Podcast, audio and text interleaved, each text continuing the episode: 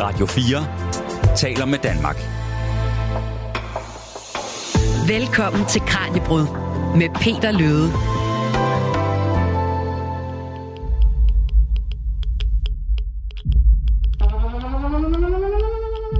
Sirenerne hyler, og bomberne falder over Danmark.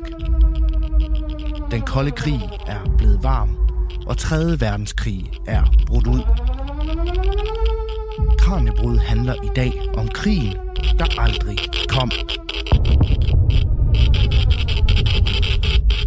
Nemlig atomkrigen. For dybt under Rold skov i Nordjylland lå det, der skulle bevare Danmark for eftertiden i tilfælde af den 3. verdenskrig. Stedet hedder Regan Vest og blev etableret i 1960'erne som det danske demokratis sidste bastion, hvis atomkrigen brød ud. En militærbunker, hvorfra regeringen og monarken kunne sikre Danmarks overlevelse i det værst tænkelige scenarie. Regan Vest har heldigvis aldrig været i brug, og siden 2012 har anlægget været forladt, men det står stadig som det gjorde under den kolde krig, og for nyligt er bunkeren åbnet som museum. I to særafsnit af Kranjebrud på Radio 4 kan du komme med på en rejse dybt ind i Danmarks sikreste atombunker, hvor vi udfolder historien om, hvordan Danmark skulle bestå i tilfælde af atomkrigens rasen. Og vores rejse starter uden for bunkeren, der ligger skjult i en bakkeside i midten af Rold skov. Der var ikke mange i regeringen, der vidste, hvor den her lå. Man var som både embedsmand og regering klar over, at i en kris eller krisesituation, så går landet og ens job foran privatliv. Man var klar over, at man skulle øh, rykke et sted hen, eller man kunne blive rykket et sted hen, men der er ganske, ganske få, som faktisk vidste helt præcist, hvor den var, og endnu færre, der har set den. Men kom du hertil, så vil du blive mødt af det, der hedder indre vagt, eller ydervagt, som skulle sidde ude i et lille rum herude. Vores guide er Bodil Fransen, der er museumsinspektør på Koldkrigsmuseet Regan Vest, som det hedder den dag i dag. Ydervagt øh, var to betjente for politiet i Aalborg, der skulle bemande den herude. De havde en, øh, et lille rum herinde, hvor de kunne sidde og holde øje med, hvem der kom. Øh, kom man ind, så ville man blive tjekket, om man havde noget at lave nede i anlægget. Øh, og så var, skulle de også øh, være de, hvad skal man sige, den sidste, den sidste vagtpost inden øh, øh, det sidste forsvar af anlægget. Så de her var faktisk nogle af de ganske få hernede, der havde lov at bære våben. Okay. De havde deres øh, tjenestevåben på sig, men derudover var det faktisk meningen, der skulle ligge 20 håndgranater herinde i det her lille rum. og det er altså ikke ret stort. Ja, det er virkelig sådan et, øh, ja, hvad er der, 6 kvadratmeter eller sådan noget. Hvis vi Ja, det, er, det, er- det ligner et... ja, en fængselscelle, ikke? Ja. ja. Men, men det var faktisk meningen, der skulle ligge 20 håndgranater derinde. Og kom der så nogen, som var fjendtligt sindet, jamen så ville man øh, slå en lue til siden i døren, hive en håndgranat ud, lukke den til igen, og når så bomben var sprunget herude, så kunne man kigge ud af et lille kighul og for og se, om der skulle være behov for en. Det er noget af en modtagelse, hvis man ikke øh, hvis man er uindbuden gæst. Yes. Og foran os, der ligger jo en, en, en tunnel, altså som jo, øh, det er jo sådan set bare, hvis man, hvis man tænker på en koldkrigsbunker, så tror jeg næsten billedet står skarpt for en. Man kan også høre, hvordan det, det resonerer her. Altså, det runger enormt meget. Den er enormt lang den her gang også. Ja, men den er delt i to. Det vi går ind af nu, det er sådan den, øh, den, den mindst øh, spektakulære del af det. Hvis du nu lige stopper Ja. og kigger ind her, så kan du sådan ane, at herinde, der ender den faktisk blindt. Ja, Og det er lavet på den her måde, at man har først en relativt lille stykke helt lige gang. Ja og så knækker den her. Ja. Ja. Og så er der den her blindtarm herinde, og ellers så går der, så drejer den, og så går der en lang tunnel ind til selve hovedanlægget. Og den her blindtarm, vi står i nu, det er faktisk den første del af atomsikringen af anlægget. Det er en blasttunnel, eller reflektortunnel hedder det også som tider. Og meningen er, at hvis der kom en sprængning, altså hvis der kommer en atombombe, mm. som sprænger relativt tæt på, så ville den her trykbølge, der kom bagefter, den ville brage ind igennem den her indgangstunnel og ind i den her blindgang, blindgyde, og så blive kastet tilbage igen i det her lille lige stykke. Okay. Så vil kun en mindre del af den bevæge sig ned i selve indgangen til tunnelen. Men man kan også se ned for enden af den her, øh, den her blinde tunnel, at der er jo, der er jo ikke beklædt med, med beton. Altså, det er jo nærmest bare... Øh, det, det, det er råt. Det, det, er, det, er det, øh, det er det kalk og kridt, man har boret sig ind i hernede. Ja, for hvordan har man udboret det her? Det må have været noget af et projekt, tænker jeg. Det har været et gigaprojekt. Øh, altså man har både øh, gravet sig ind i det, og man har sprængt sig ind i det med dynamit, og da man lavede det, var der tipvognsspor ind igennem hele anlægget herinde. Det er også noget med, det fortalte du mig inden, at man faktisk øh, var i Sverige for at lære at bruge dynamit. Er det ikke rigtigt? Jo, nogle af, dem, der havde byggeledelsen hernede, blev sendt til Sverige for at lære, hvordan man ligesom borer sig ind i undergrund og så videre på den der måde. Øh, og, og, og, og ja, lærte at sprænge sig vej ind igennem det, fordi det er jo ikke noget, man gør så meget i Danmark på den måde.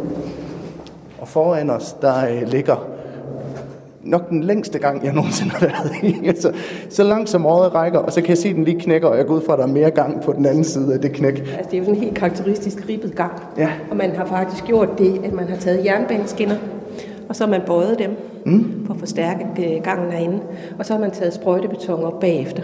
Okay. Og så er der det her mellemrum imellem, hvornår man har taget de der jernbaneskinner ind. Så, så den er sådan ribbet hele vejen ned igennem, og de her ribber, det er også en del af sikringen der imod øh, tryk Ja. og sprængerester, fordi hver ribe fanger noget af trykket, og en masse af de sprængerester, der vil være i luften efter en eksplosion. Man kan nok bedst forestille sig det som lytter, hvis man tænker på en masse hestesko, der står i, i, en, i en lang, lang række. Så langt som året står til rækker, og så er de malet hvide alle sammen. Ja, der er også nogen, der siger, at det ligner en valbu. Ja, jeg kan godt forestille mig, at det er ligesom at gå ind i, mellem sådan, øh, i brystkassen, eller sådan, øh, ja.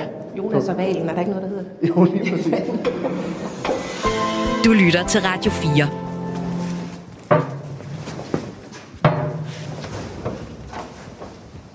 Regan Vest er opbygget på den måde, at den 400 meter lange gang, der fører ind i bakken, munder ud i to enorme betonringe, der begge to er i to etager og indeholder i alt 232 rum. Og den form er langt fra tilfældig. Det gør nemlig anlægget mere resistent over for bombenedslag. Lige nu er vi øh, gået 300 meter ind i bakken, og vi er faktisk undervejs, så er vi gået en meter op i terræn, og lige nu er vi alligevel 60 meter under. Øh, og det vi står ved nu, det er sådan set krydspunktet, altså hvor man har anlægget, selve anlægget med de to ringe ind til den ene side, og et maskinrum ind til den anden side. Og så fortsætter den her gang. Ja, det kan jeg vi se. ned af. Vi kan lige prøve at gå ned og hurtigt lige tænde lyset hernede. Øh, Den her gang, vi er gået ned af. Hold da kæft. Okay, det fort, den fortsætter, fortsætter faktisk 250 meter mere den her vej. Og det ligner mest alt en mineskagt. Ja, det er det også, for der har man ikke forstærket den. Der er det den rå kalk, man går op i, eller kridt, man går op i. Så der kan man faktisk se den undergrund, som den er bygget ind i. Øh, og den her gang, den stopper så med en trappe med cirka 150 sådan pænt stejle trin. Og går man op ad dem, så kan man slå en låge op, og så står man i terræn. Det var sådan en ting, som den primære nødudgang hernede. De så også her, flagermusene bor, så derfor slukker vi lyset om vinteren, fordi de ligger og sover lige nu. Øh, men man kan sige, at den her ekstra gang, og det faktum, der faktisk er 500 meter gang hele vejen på tværs igennem bakken ja. med en udgang i begge ender, det er også en del af den her atomsikring, fordi det betyder, at du kan håndtere en trykbølge, uanset hvad retning den kommer fra. Og du kan håndtere både trykket og tilbagesuget. Mm. Så på den måde, så er selve anlægget, der så ligger herinde i midten, det er enormt godt beskyttet. Så det er bare at lukke døren, og så... Ja, Øh, og de her døre, det er jo så ikke bare almindelige døre, altså. nej, nej, det kan jeg næsten... Det, Det er, sådan en dør her, den vejer 2,5 ton. Ja, den er også en, altså det ligner øh, lån til en bankboks. Ja. Det er nok det bedste billede at bruge. Ja, det er trykdør, hedder de. Okay. Det er, øh, det er en betonkerne med øh, stål udenom, og lukker man dem helt til og låser dem, så, øh, så, så lukker det simpelthen for, for at tryk og varme fra en trykbølge og eksplosion kan komme ind i selve anlægget. Bodil Fransen demonstrerer. Og mens den tons tunge trykdør lukker, så kan jeg fortælle, at anlægget rummer 2 km gange, tunneller og skakter og er bygget til at huse omkring 350 personer.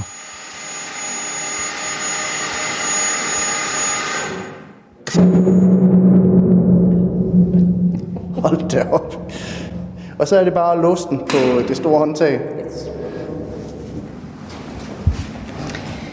Hvis vi går ind her, Ja,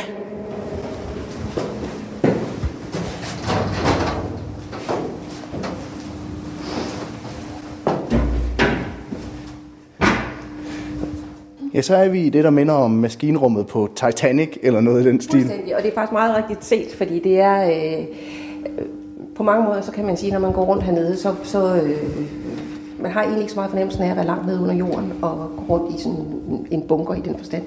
Øh, jeg plejer at sige, at jeg har det mere som at gå på en færge. Ja. Øh, der er sådan noget maskinrum på den måde. Ja, og der er en god duft af, af olie og benzin. Ja, ja. det er nemlig. Øh, og to meget 60'er rigtig grønne farver, øh, farvede kæmpe øh, generatorer, som skulle levere strøm til anlægget. Og på mange måder så er Regan Vestjysen et sted, hvor man skal sige, at man skal, man skal mere tænke det som en ubåd end egentlig en bunker. Altså selvfølgelig er det en bunker, det er et, fors, altså et forsvarsværk på den måde. Men det var ikke her, øh, man skulle udkæmpe krigen. Det skete andre steder. Det her, mm. den her skulle i virkeligheden køre under radaren, så at sige, så lang tid som muligt, og være hemmelig så lang tid som overhovedet muligt. Og så skulle den kunne være selvforsynende i op til i hvert fald 10 dage, hvor man overhovedet ikke havde forbindelse til så præcis ligesom en ubåd, så, så skulle du kunne lukke og have et lukket system. Fuldstændig, og du skal kunne generere egen strøm, og det gør du så med dem her. Der ligger seks tanke hernede med 12.000 liter olie i, kunne de holde. Øh, så du havde 72.000 liter olie at køre på, hvis de var helt fyldt op, og du lukkede. Hold da op. Øh, altså, men, men det var lidt tanken, at øh, øh, efter 10 dage, så, så havde man fået tingene lidt op at køre igen. Skal vi prøve at bevæge os gennem den anden kæmpe dør, du har her? Ja. Hvis man lavede en egentlig indrykning, så ville de her store tons tunge trykdøre altid være lukket, fordi gangen herude kunne faktisk være forurenet. Og så skulle man finde en måde, man kunne komme fra den ene side af anlægget til den anden. Så man har faktisk en lille underløbstunnel hernede, hvor man kan kravle ned sådan en stige. Ja, så er der en, en meget stejl stige ned. Og så ja. er der en tunnel, der kører under øh, indgangstunnelen hernede, øh, og så en lille revegang, kan man sige. Så kommer du sikkert op på den anden side.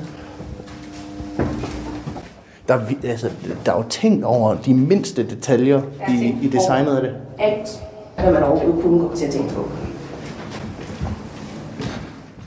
Du lytter til Kranjebrud på Radio 4.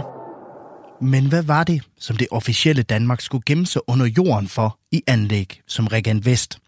Det handlede naturligvis om, at man opfattede Østblokken som en trussel, og med den viden, historikerne efterhånden har gravet frem, har det vist sig, at der nok var god grund til at være bekymret. Per Henrik Hansen er koldkrigsforsker og leder af Langelands Museum, og han fortæller, at Varsava-paktens plan var, at en eventuel krig skulle foregå på vestlig jord. Og det begyndte Østblokken allerede at lægge detaljerede planer for i starten af 1960'erne.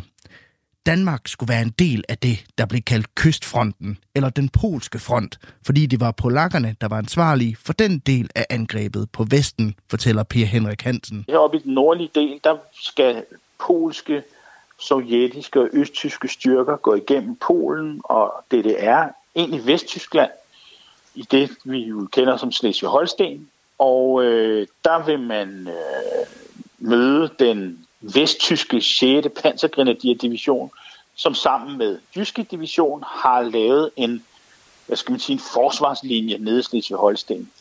Og der vil det første slag sådan set skulle stå når øh, de har slået hul i vores forsvarslinje, så fortsætter fremrykningen op gennem Slesvig-Holsten og op på den jyske halvø. Så fortsætter styrkerne op igennem Jylland, og øh, efter nogle dages kamp, en 4-5 dages kamp, så vil den fælles Østersøflåde bestående af krigsskibe, ubåde og landgangsfartøjer fra Sovjetunionen, Polen og DDR, så vil de begynde deres operation rettet mod Sjælland og øerne over i den, i den østlige del af Danmark. Og efter en 10-12 dage, der havde man en formodning om, at så var den danske modstand nedkæmpet. Ved vi noget om, hvorfor de havde fokus på Jylland i første omgang, og ikke vores hovedstad? Øh, jeg tror umiddelbart, så er hovedstaden jo ligegyldig i en øh, militær planlægning, øh, hvis det, det handler om, er at kontrollere gennemsejling af de danske stræder. Og det var jo dybest set det, man havde behov for. Det var at kunne have en øh, fri ind- og udsejling af Østersøen. Og den anden del af det var, at man ikke ønskede, at Danmark som helhed kunne bruges i sådan et flankeangreb på de fremrykkende Varsjava-pagt-styrker nede på det europæiske fastland. Så det var derfor vigtigt at sætte sig på Danmark ret tidligt og ret hurtigt. Var atomvåben en del af de planer her? Atomvåben var helt fra starten, i den aller, aller første afprøvning af det her scenarie, en fuldt integreret del af planerne. Og i en langt højere grad, end, end man fra, fra dansk og vestlig side forestillede sig det på, på daværende tidspunkt. man troede længe, at, man, at en krig mellem Øst og Vest godt kunne forblive konventionel, men det var så udelukkende, fordi man ikke kendte den, hvad skal man sige, til, til Østblokkens syn på atomvåben. For dem var det jo bare et, en form for tungt artilleri, der øh, kunne gøre arbejdet nemmere og hurtigere end konventionelle våben. Da man laver den her første øvelse om, om vedrørende kystfronten og den her operation, det gør man i september og oktober 1961 der har den øh, polske chef for kystfronten, øh, general Duszinski, der har han øh, besluttet sig for, at man skal bruge en masse atomvåben på at hælde ud over store byer som Hannover og Bremen og forskellige andre steder.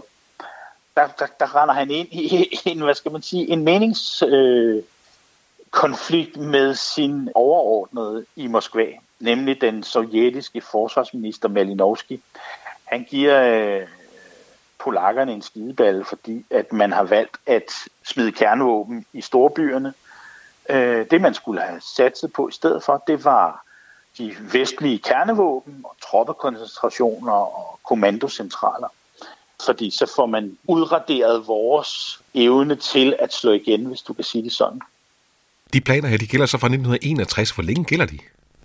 de er jo mere eller mindre øh, funktionsduelige, eller hvad man skal sige. Det, de, de er en del af Varsava-paktens tankesæt, stort set helt frem til, til den kolde krigs afslutning. Der sker dog en lille ændring i den sidste halvdel af 80'erne, få år før murens fald, hvor man begynder at tænke i, at man måske skal begynde at lave defensive planer også. Det er jo en lille detalje, hvor man her i Danmark hvis man har gjort tjeneste i forsvaret under den kolde krig, så ved man, at det, der blev trænet og øvet igen og igen, det var jo henholdende kamp og tilbagetrækning. Og det var jo også det, som det danske forsvar var, hvad skal man sige, langt hen ad vejen var indrettet efter, og vores militær infrastruktur var opbygget efter. Altså alle depoterne, de lå jo i den nordlige del af Jylland, og mange af dem langt ude øh, ved den tyske vestkyst. Og det handlede jo om, at vi godt var klar over, at vi ville blive trykket tilbage. Så hvis man længst muligt skal have mulighed for at komme til sine ressourcer, så skal de ligge længst væk fra fjenden. Det, der så er interessant, det er jo, hvis man begynder at kigge på Varsjava-paktens depotstruktur, hvor var den så henne? Ja, den lå jo så helt op ad zonegrænsen, lige på grænsen mellem øst og vest. Og hvis man vidderligt selv troede på det, man gik og sagde, nemlig at i tilfælde af krig, så var det Vesten, der ville angribe først. Så var det mildst talt dumt at lægge alle depoterne i de områder, hvor vestlige styrker, de som noget af det første, ville angribe. Fordi så har man mistet rigtig, rigtig mange af sine ressourcer. Det kan man så tænke om, hvad man vil. I min tanke er jo selvfølgelig, at det er jo nok fordi det, at man forestillede sig, at Vesten skulle angribe først, det i virkeligheden måske mere var en fortælling, som skulle gøre det nemmere for alle i varsava systemet at øh, øh, acceptere, at en eller anden dag, så vil der komme en krig, og den skulle udkæmpes. Radio 4 taler med Danmark.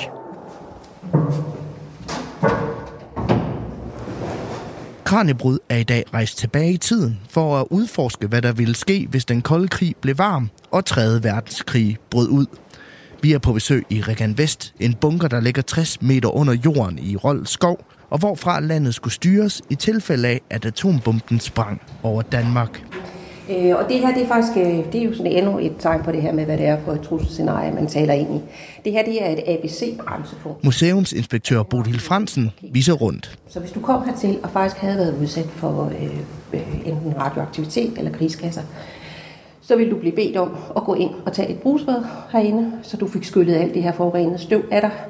Øh, og så ligger der faktisk oplagret, øh, jeg tror det er 49 sæt tøj herover rent tøj, som man så kunne udlevere til folk, og så kunne de få det. Så, det, så hvis, man har, hvis man har været udenfor, så skulle man herind og have et bad, før man måtte øh, fortsætte? Ja, i hvert fald, hvis, man, hvis der havde været radioaktivitet i luften, eller der havde været brug af kemiske øh, krigsgasser.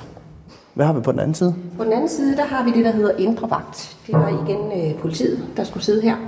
Her vil du blive taget imod, når du kommer ind. Du vil blive krydset af på en liste. Du vil få udleveret en øh, nøgle til din, øh, dit soveværelse. Der er en stor nøgleboks herinde. Ja.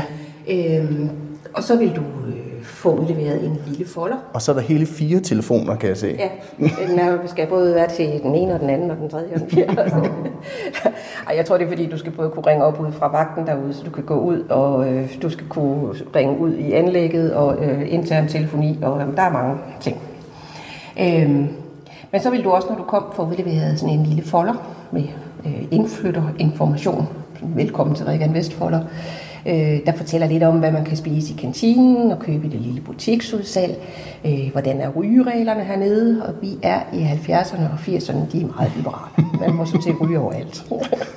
Øh, og hvordan, øh, altså var der en plantegning over anlægget, som man på en eller anden måde kunne prøve at finde Ja, det kan man jo, det kan man jo se her. Ja. Der er simpelthen en, du, du er her, rød prik. Ja, og så nogle er rigtig mange steder, fordi selvom man måske skulle synes, at man kan ikke fare i en cirkel, så kan man godt have ned. Ja, det er jo to cirkler, og så er der ligesom to etager på hver af de her cirkler. To cirkler i to etager hver, ja. Men det kan være, at det måske gav mening lige at tale lidt om, hvem det var, der rent faktisk skulle bo her, i tilfælde af, at atomkrigen den, øh, den kom. Jamen altså, Regan Vest øh, er bygget til at kunne huse 350 mennesker. Og ud af de 350, der vil cirka de 250, det vil være øh, regeringen, regenten og embedsværket. Øh, og det er øh, alle sammen folk, der er her på grund af deres funktion, det vil sige, de har ikke familier og så videre med. De er her alene. Øh, og så vil de sidste 100 det vil være øh, et, et, det, vi kalder teknisk personale eller servicepersonale, som har samlet i det, man kalder for pladskommandantskabet. Altså det vil, det vil så sige en driftsledelse. Og det er alt. Det er læger, det er sygeplejersker, det er politi, det er præst, det er kommunikationsfolk, det er kantinefolk, det er maskinmestre, det er driftssektionen, altså den administrative driftsfunktion. Det er pressetjeneste, det er rigtig mange forskellige ting, der er hernede på den måde. Og de var med for simpelthen at få dagligdagen til at glide bedst muligt omkring regeringen, og så selvfølgelig sørge for, at anlægget hernede det levede op til, hvad det skulle kunne. Det er navngivende personer, der aktivt har sagt ja i fredstid til at gå med herned. Øh, hvis en krig startede, velvidende, at de så skulle sige farvel til deres familie og gå på. Og de havde jo sådan set tavshedspligt, så de måtte i princippet måtte de ikke sige til deres familier, at det var sådan, det var. Hold da op. Det er der nogen, der har gjort, mm. men øh, der er også nogen, der ikke har gjort det. Ikke for ikke ret lang tid siden, der hørte jeg en fantastisk historie om et ægtepar, hvor hun var i Forsvarsministeriet, og han arbejdede ved det, der dengang hed Jysk Telefon, øh, og havde med de sikrede, særligt sikrede telefonforbindelser at gøre. De skulle begge to have været med hernede, men de havde aldrig fortalt det til hinanden. det havde været noget af et reunion. Ja, ja det, det må man sige, og så tænker man, så håber man, de ikke havde børn. Nu bevæger vi os ind i den, øh, den første af de to ringe. Er det ikke, øh, er det ikke rigtigt? Jo. Og den toilet og noget bad, og så en lægestue. Ja, fordi øh, som en del af det her tekniske personale, der skulle med ned og sørge for, at uh, tingene fungerede hernede. Så havde man så altså også læge med og en lægestue hernede. Man havde altid, til enhver tid skulle der være to læger tilknyttet stedet hernede, og de skulle ligesom kunne helt almindelig lægepraksis og så videre hernede. Øhm, øhm, og det ligner det jo også sådan set. I ja. starten havde man en idé om, der hænger sådan en operationslampe i, loften, i loftet, men altså, der havde man faktisk en idé om, at man også skulle lave operationer hernede. Det gik man bort fra, der skød man over mål. Okay. Men Udover at de skulle kunne den her helt almindelige lægepraksis, så var det enormt vigtigt, at minimum en af dem havde speciale i det, der kaldes for ABC-medicin. Det vil sige, at de skulle kende følgerne af atomare, biologiske og kemiske våben. De skulle kende symptomerne på strålesyge, vide, øh, hvordan man skulle behandle det. Øh, de skulle kende de forskellige kemiske krigsstoffer, øh, biologiske krigsstoffer, og vide, hvordan man behandlede dem. Og lige så vigtigt var det faktisk, at minimum en af dem havde speciale i det, der hedder krigs- og katastrofepsykiatri. Fordi man var klar over, at når man evakuerede en hel regering og et helt embedsværk væk fra alt, hvad de kendte i København, og 60 meter under jorden i en lille bunker herover i en max presset situation, hvor de måske ikke kunne få kontakt med deres familier og ikke vidste, hvad der skete med dem, og skulle lede landet igennem et atomart Ragnarok, jo, som det jo egentlig var det, man, man frygtede, ikke? at så ville folk gå i stykker psykisk. Ja, så er man nødt til, man er nødt til at... Og det er jo igen et, et tegn på, at man virkelig har tænkt alle detaljerne igennem Helt i forhold til det her. Ja. Man har faktisk også af samme grund, så har man prioriteret meget højt at have en præst med hernede. Øh, han skulle selvfølgelig forrette almindelige kirkelige handlinger, men han havde en meget, meget vigtig rolle som sjælsøver, så han er en af de helt, helt få hernede, der har eneværelse. Man skulle kunne komme til ham hele døgnet. Lad os prøve at bevæge os videre i, øh, i anlægget. Ja. Radio 4 taler med Danmark. Den dag i dag fremstår Regan Vest som et klenodie fra en mørk virkelighed.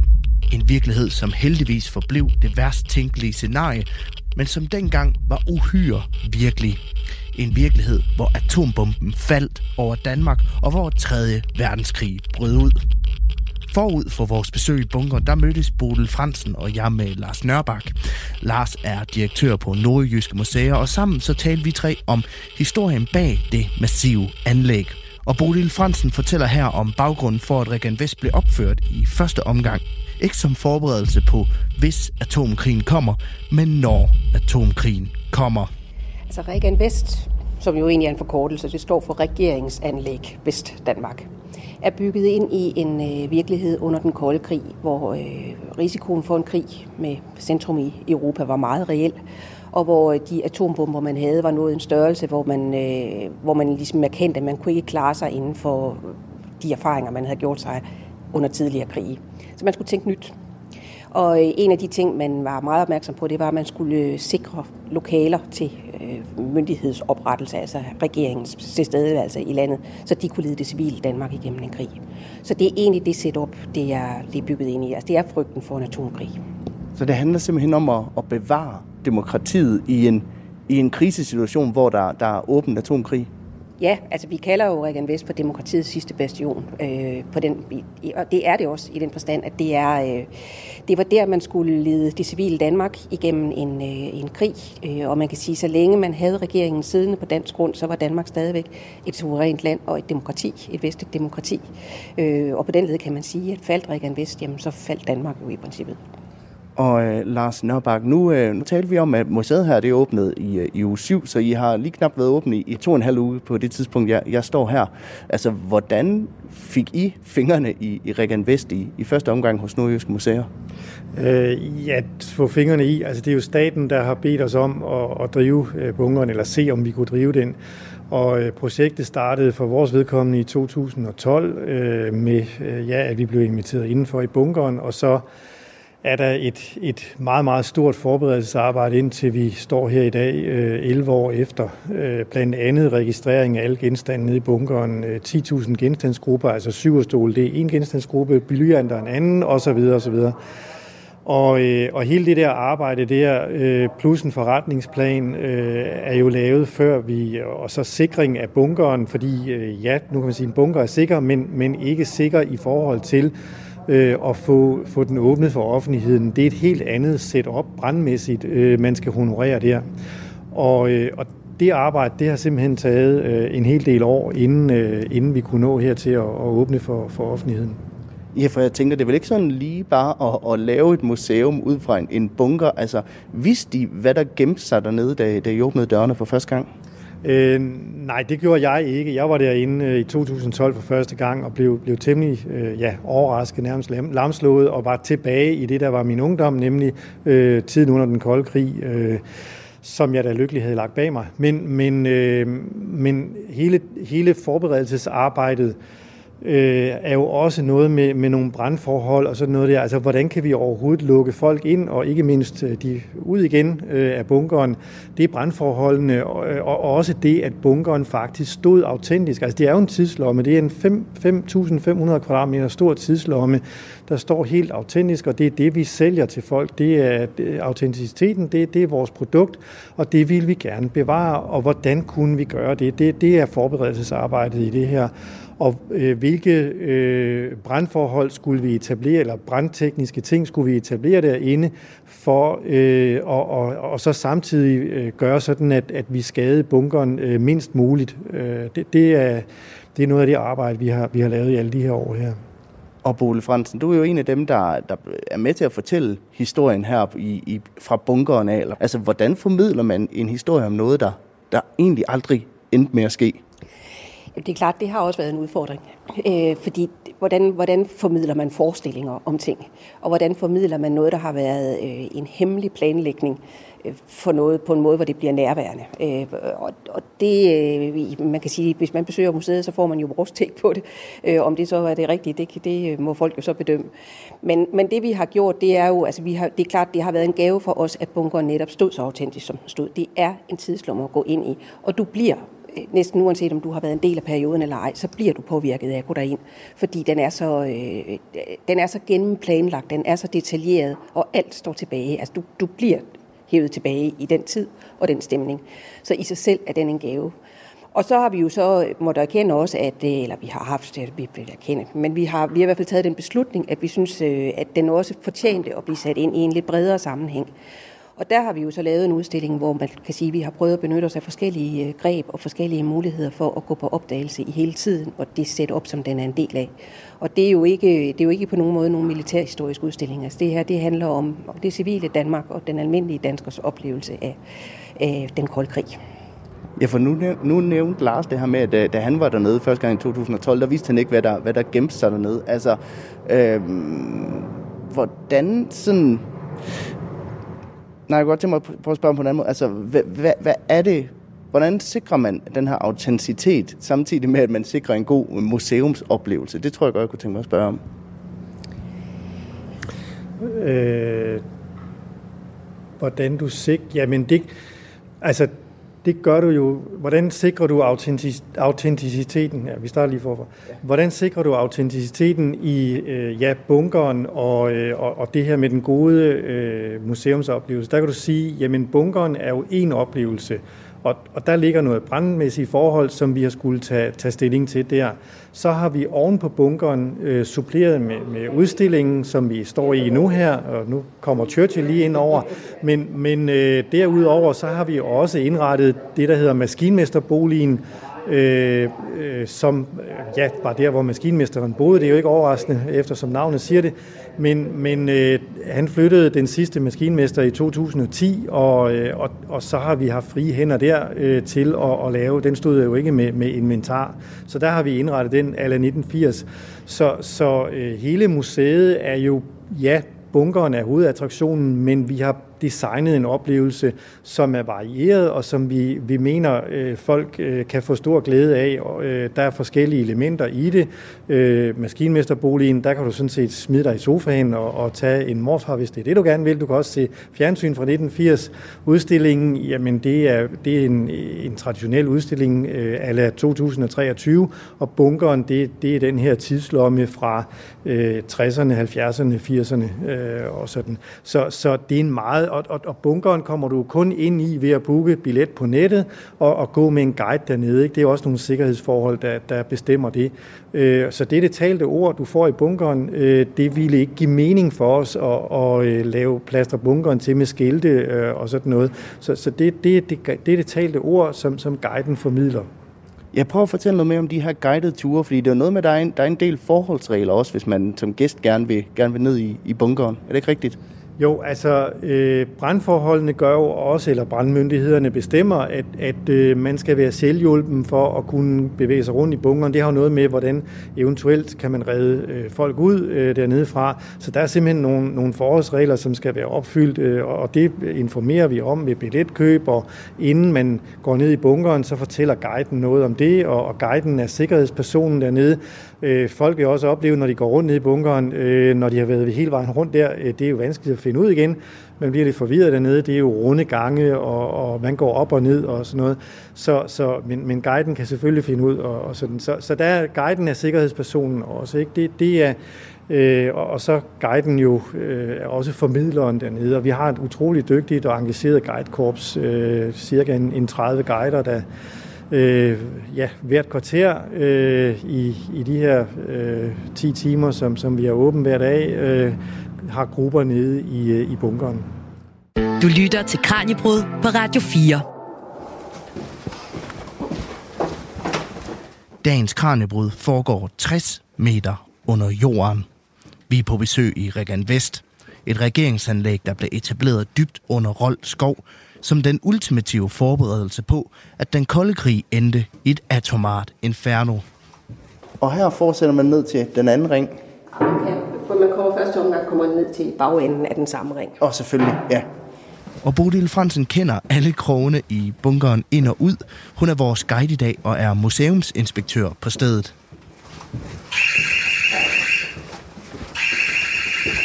Jeg har sådan en kisse i alarmen. Hvad er det, siger du? Men det er altså noget, hvis du trækker hånden for langt ind over Nå. afspærringerne så går der sådan en alarm der. Men Nå. hun er vel lige lidt øh, selvkørende.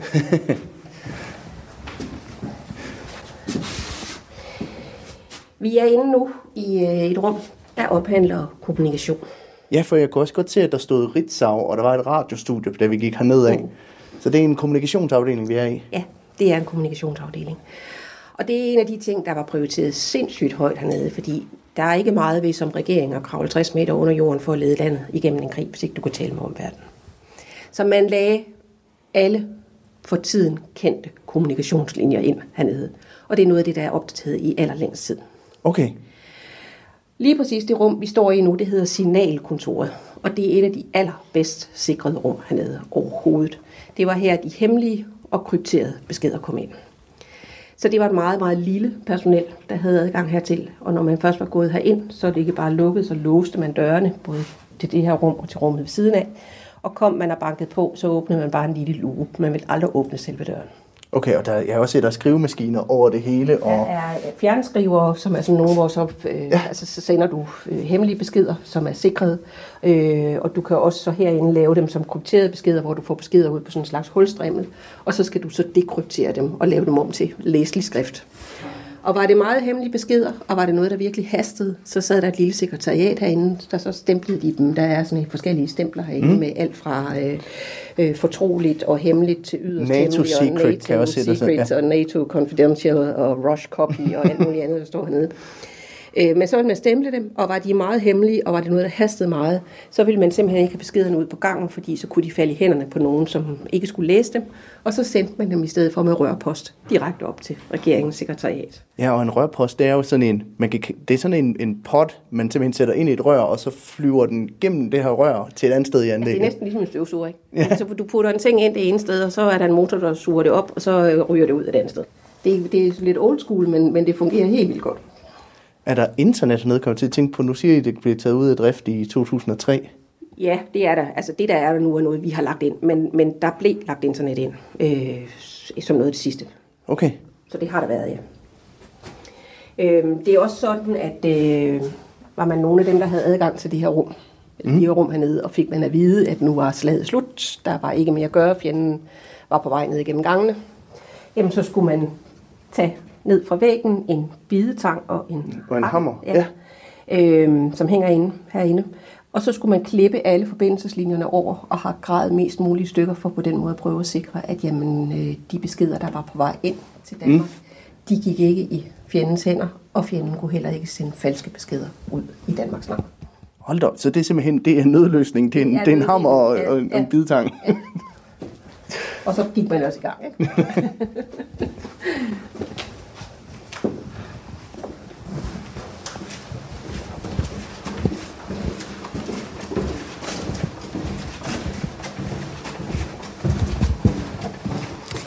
Når vi sådan går rundt og kigger i mm. anlægget, det er stadigvæk kommunikation det her. Det er sådan øh, øh, krydspunktet eller ja, telecentralen hedder det på den her. Ja, det er alle de der forskellige. Det ligner jo lidt et moderne serverrum, Ja, men, ja, ja. hvis men man også- skal men sammenligne med noget. ikke? Altså helt i starten var det jo meget lavpraktisk, øh, øh, og det har man beholdt, fordi hvis alt andet glippede, så en dygtig tekniker og en loddekolbe, så havde man en eller anden form for forbindelse ud af. Og så er det så blevet opdateret øh, løbende hele vejen hen. Øh, men hvis man går rundt hernede, så vil man også kunne se, at alt sådan følsomt grej, det er ikke bare her, men alle steder, mm. det står på sådan nogle gummidutter. Ja, Det, de hedder chokabsorber. Og de er igen en del af den her øh, atomsikring af anlægget, fordi på det første tager det noget af trykket fra en trykbølge, men det sørger også for, at det kan bevæge sig, så grejet ikke bliver øh, revet i stykker. Mm. Man har måske set noget lignende i, øh, i de områder, hvor at, øh, der er mange jordskælv, hvor man simpelthen bygger bygninger på, øh, på noget lignende. Og man har selvfølgelig også været ude og kigge på, hvad havde man gjort i andre lande. Ikke? Øh, men jeg var der, en af de allerførste gange, jeg var hernede, der kiggede jeg sammen med en fra Beredskabsstyrelsen, som kendte anlægget ud af. Og han sagde så som den mest naturlige ting i verden til mig, de her, de er jo så sikret til 6G. Og øh, dum som jeg var, så spurgte jeg ham som, hvorfor lige 6G? Og så kiggede han på mig og sagde, at det er jo fordi, hvis vi når over 6G, så, den men, så, så, så kollapser den menneskelige krop. Så vil alle falde om hernede. Nå. Og så kunne det jo være lige meget. så jeg pænt når jeg tænkte, så kunne man jo også tænke. Men det er jo, altså, der er jo også noget enormt mobilt over at gå i noget, der er konstrueret til de sidste dage, kan man næsten sige. Ikke? Det er enormt hyggeligt på mange måder. Men man kan måske også vende den op. Altså, da jeg første gang var hernede, der var jeg fuldstændig væltet bagover, da jeg kom mm. igen. Jeg ved ikke, hvad jeg havde forestillet mig, men, men, men jeg tror ikke, der var noget, der havde kunne forberede mig på det her. Øh, øh, og jeg var både øh, ligesom tilbage i min gymnasieungdom og kunne huske, hvor bange vi faktisk havde været for, at der kom en krig.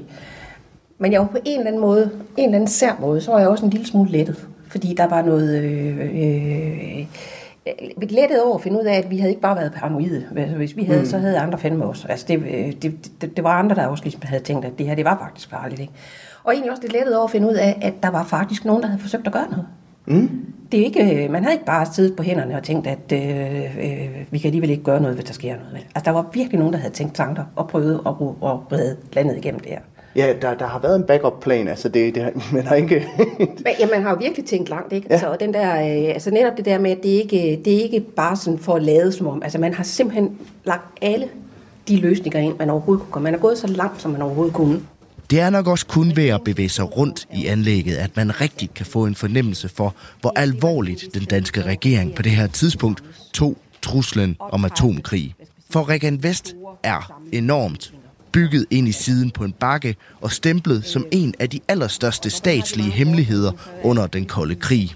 De beslutninger, man skulle tage, de ville hele tiden blive taget på baggrund af, hvordan den militære udvikling var. Men selvom projektet var massivt, så var det ikke fordi, at det væltede budgettet, da det blev vedtaget i starten af 1960'erne.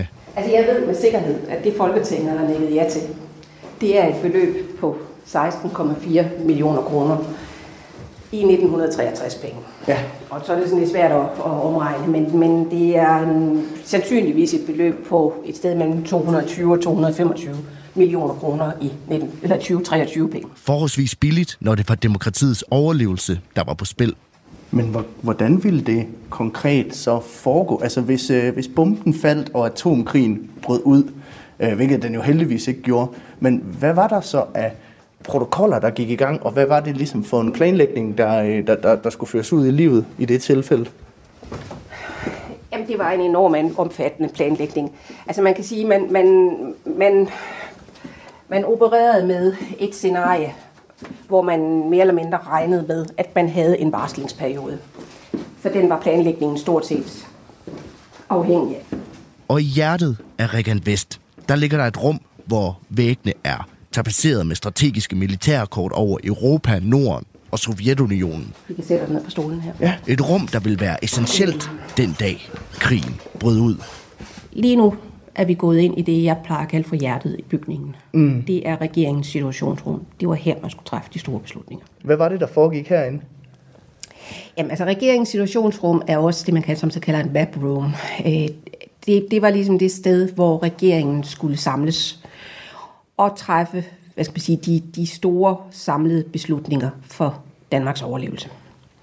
Øh, og når man har de mange kort herinde, så er det selvfølgelig fordi, at øh, de beslutninger, man skulle tage, de ville hele tiden blive taget på baggrund af, hvordan den militære udvikling var. Så derfor mm. var det vigtigt, at man kunne følge med i det. Øh, det her det er et af de større rum hernede, og der ville sagtens skulle sidde en regering samlet omkring det bord, der er herinde. Øh, men man var klar over, at øh, der kunne være mange andre, der havde brug for at lytte med til, på de drøftelser, der var blandt andet embedsværket og måske også pressen. Øh, så derfor har man hængt de her mikrofoner ud, op i loftet, og de sender sig ud til de to næste rum. Og så kunne man så langsomt efterhånden kalde embedsværket ind, og de skulle komme med deres ekspertviden, og så sætte dem på den stolerække, som vi faktisk sidder på nu. Nogle af de mange, mange syv stole, der findes i anlægget. og man kan sige, øh, hvis det var blevet alvor det her, jamen så havde man, øh, så havde man forberedt planer, hvor man, øh, hvor man, hvor man øh, lavede en udflytning fra København mm. og hertil. Og man ville faktisk øh, dele hvad skal man sige, øh, øh, Folketinget og embedsværket op i forskellige dele. Og en del ville rejse herover, øh, og der ville en del af embedsværket først tage herover og forberede alting så ville resten af embedsværket komme, og så sent som muligt faktisk regeringen. Mm. Øh, og embedsværket ville skulle tage tog, og fik ikke andet at vide, end de skulle tage tog til Skørping station, og så ville de blive hentet der. Altså, de vidste faktisk ikke præcis, hvor de skulle hen. Og regeringen ville sandsynligvis blive fløjet over. Øh, andre dele af regeringen ville blive fragtet nordpå. Der findes et søsteranlæg til Regan Vest, som mm. hedder Regan Øst. Og det siger jeg ikke mere om nu, fordi det er stadigvæk i brug og operationelt. Okay. Øhm, og andre, endnu andre dele af administrationen vil blive flyttet ud til øh, forskellige regionale øh, kommandocentraler, hvor de så skulle hjælpe der på det regionale niveau. Og så ville en lille del blive i København, men ikke af regeringen, stadigvæk af embedsværket. Øhm, men altså forudsætter man nu, altså regeringen ville samlet gå det ene sted hen.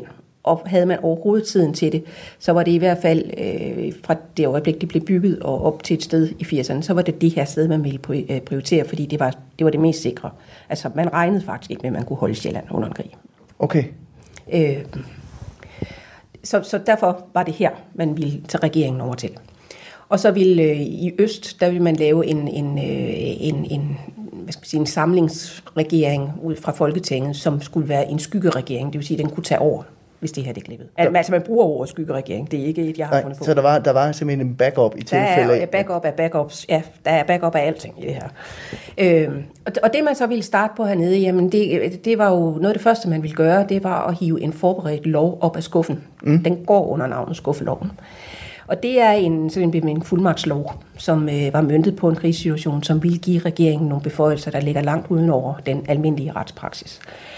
Øh, det kunne for eksempel være, en, øh, at man til side satte alt, hvad der hed øh, privat ejendomsret. Så hvis du havde et hus, der var øh, særligt velegnet til at huse flygtninge, jamen så ville du blive bedt om, at øh, dem skulle du tage imod. Du ville måske endda også blive bedt om, at du skulle fraflytte dit eget hus, fordi man ville indrette det.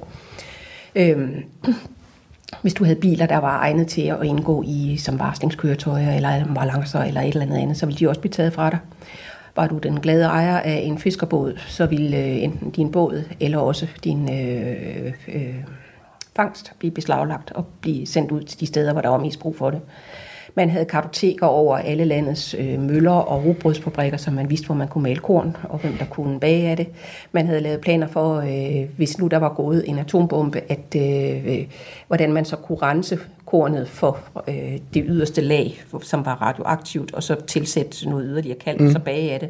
Der, jeg, altså jeg faldt over sådan en opskrift på krigsbrød Okay. fire forskellige slags krigsbrød lavet ud fra sådan noget mel, hvor man havde været ude og rense det af. Ikke? Øhm, Det var et enormt apparat, det der er går i gang. et helt vildt apparat, der går i gang. Du havde kartoteker over, øh, hvad der fandtes af vognmænd og øh, entreprenører, og viste, hvad for noget grej de havde, så det, man kunne bede dem om, øh, eller pålægge dem at tage ud og reparere motorveje og øh, broer og hvad der nu ellers måtte være jernbaner. Det er helt vildt, hvad der ligger. Du havde lagt depoter ud af alle de væsentligste øh, ting og by- opbygget de her lager. Altså, så det, det, det er et sindssygt stort apparat, der man var på at kunne sætte i gang med det samme. Og nu snakker vi om før det her med, at, øh, at øh, anlægget jo også til dels var med til at sikre, at demokratiet bestod.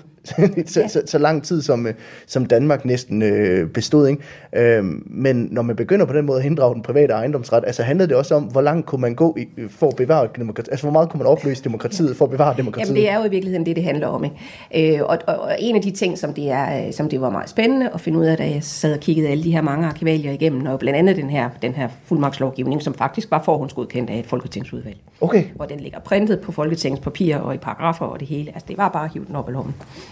Øh, øh, eller op på skuffen, nu mere rigtigt.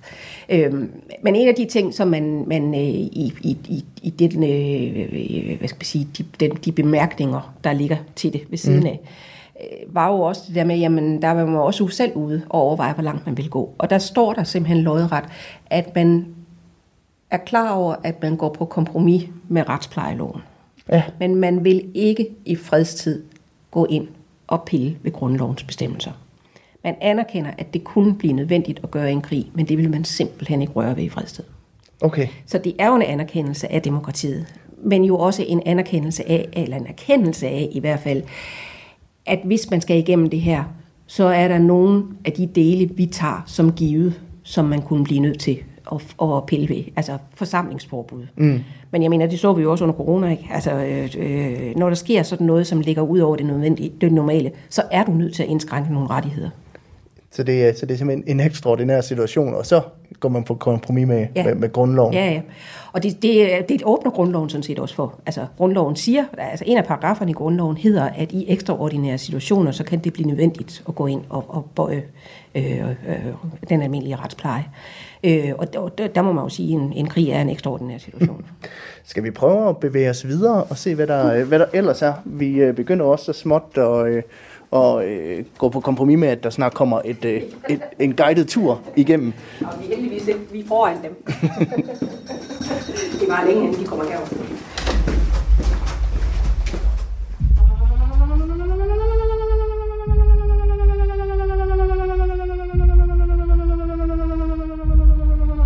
Og med det fortsætter rejsen dybt ind i anlægget 60 meter under Rold Skov.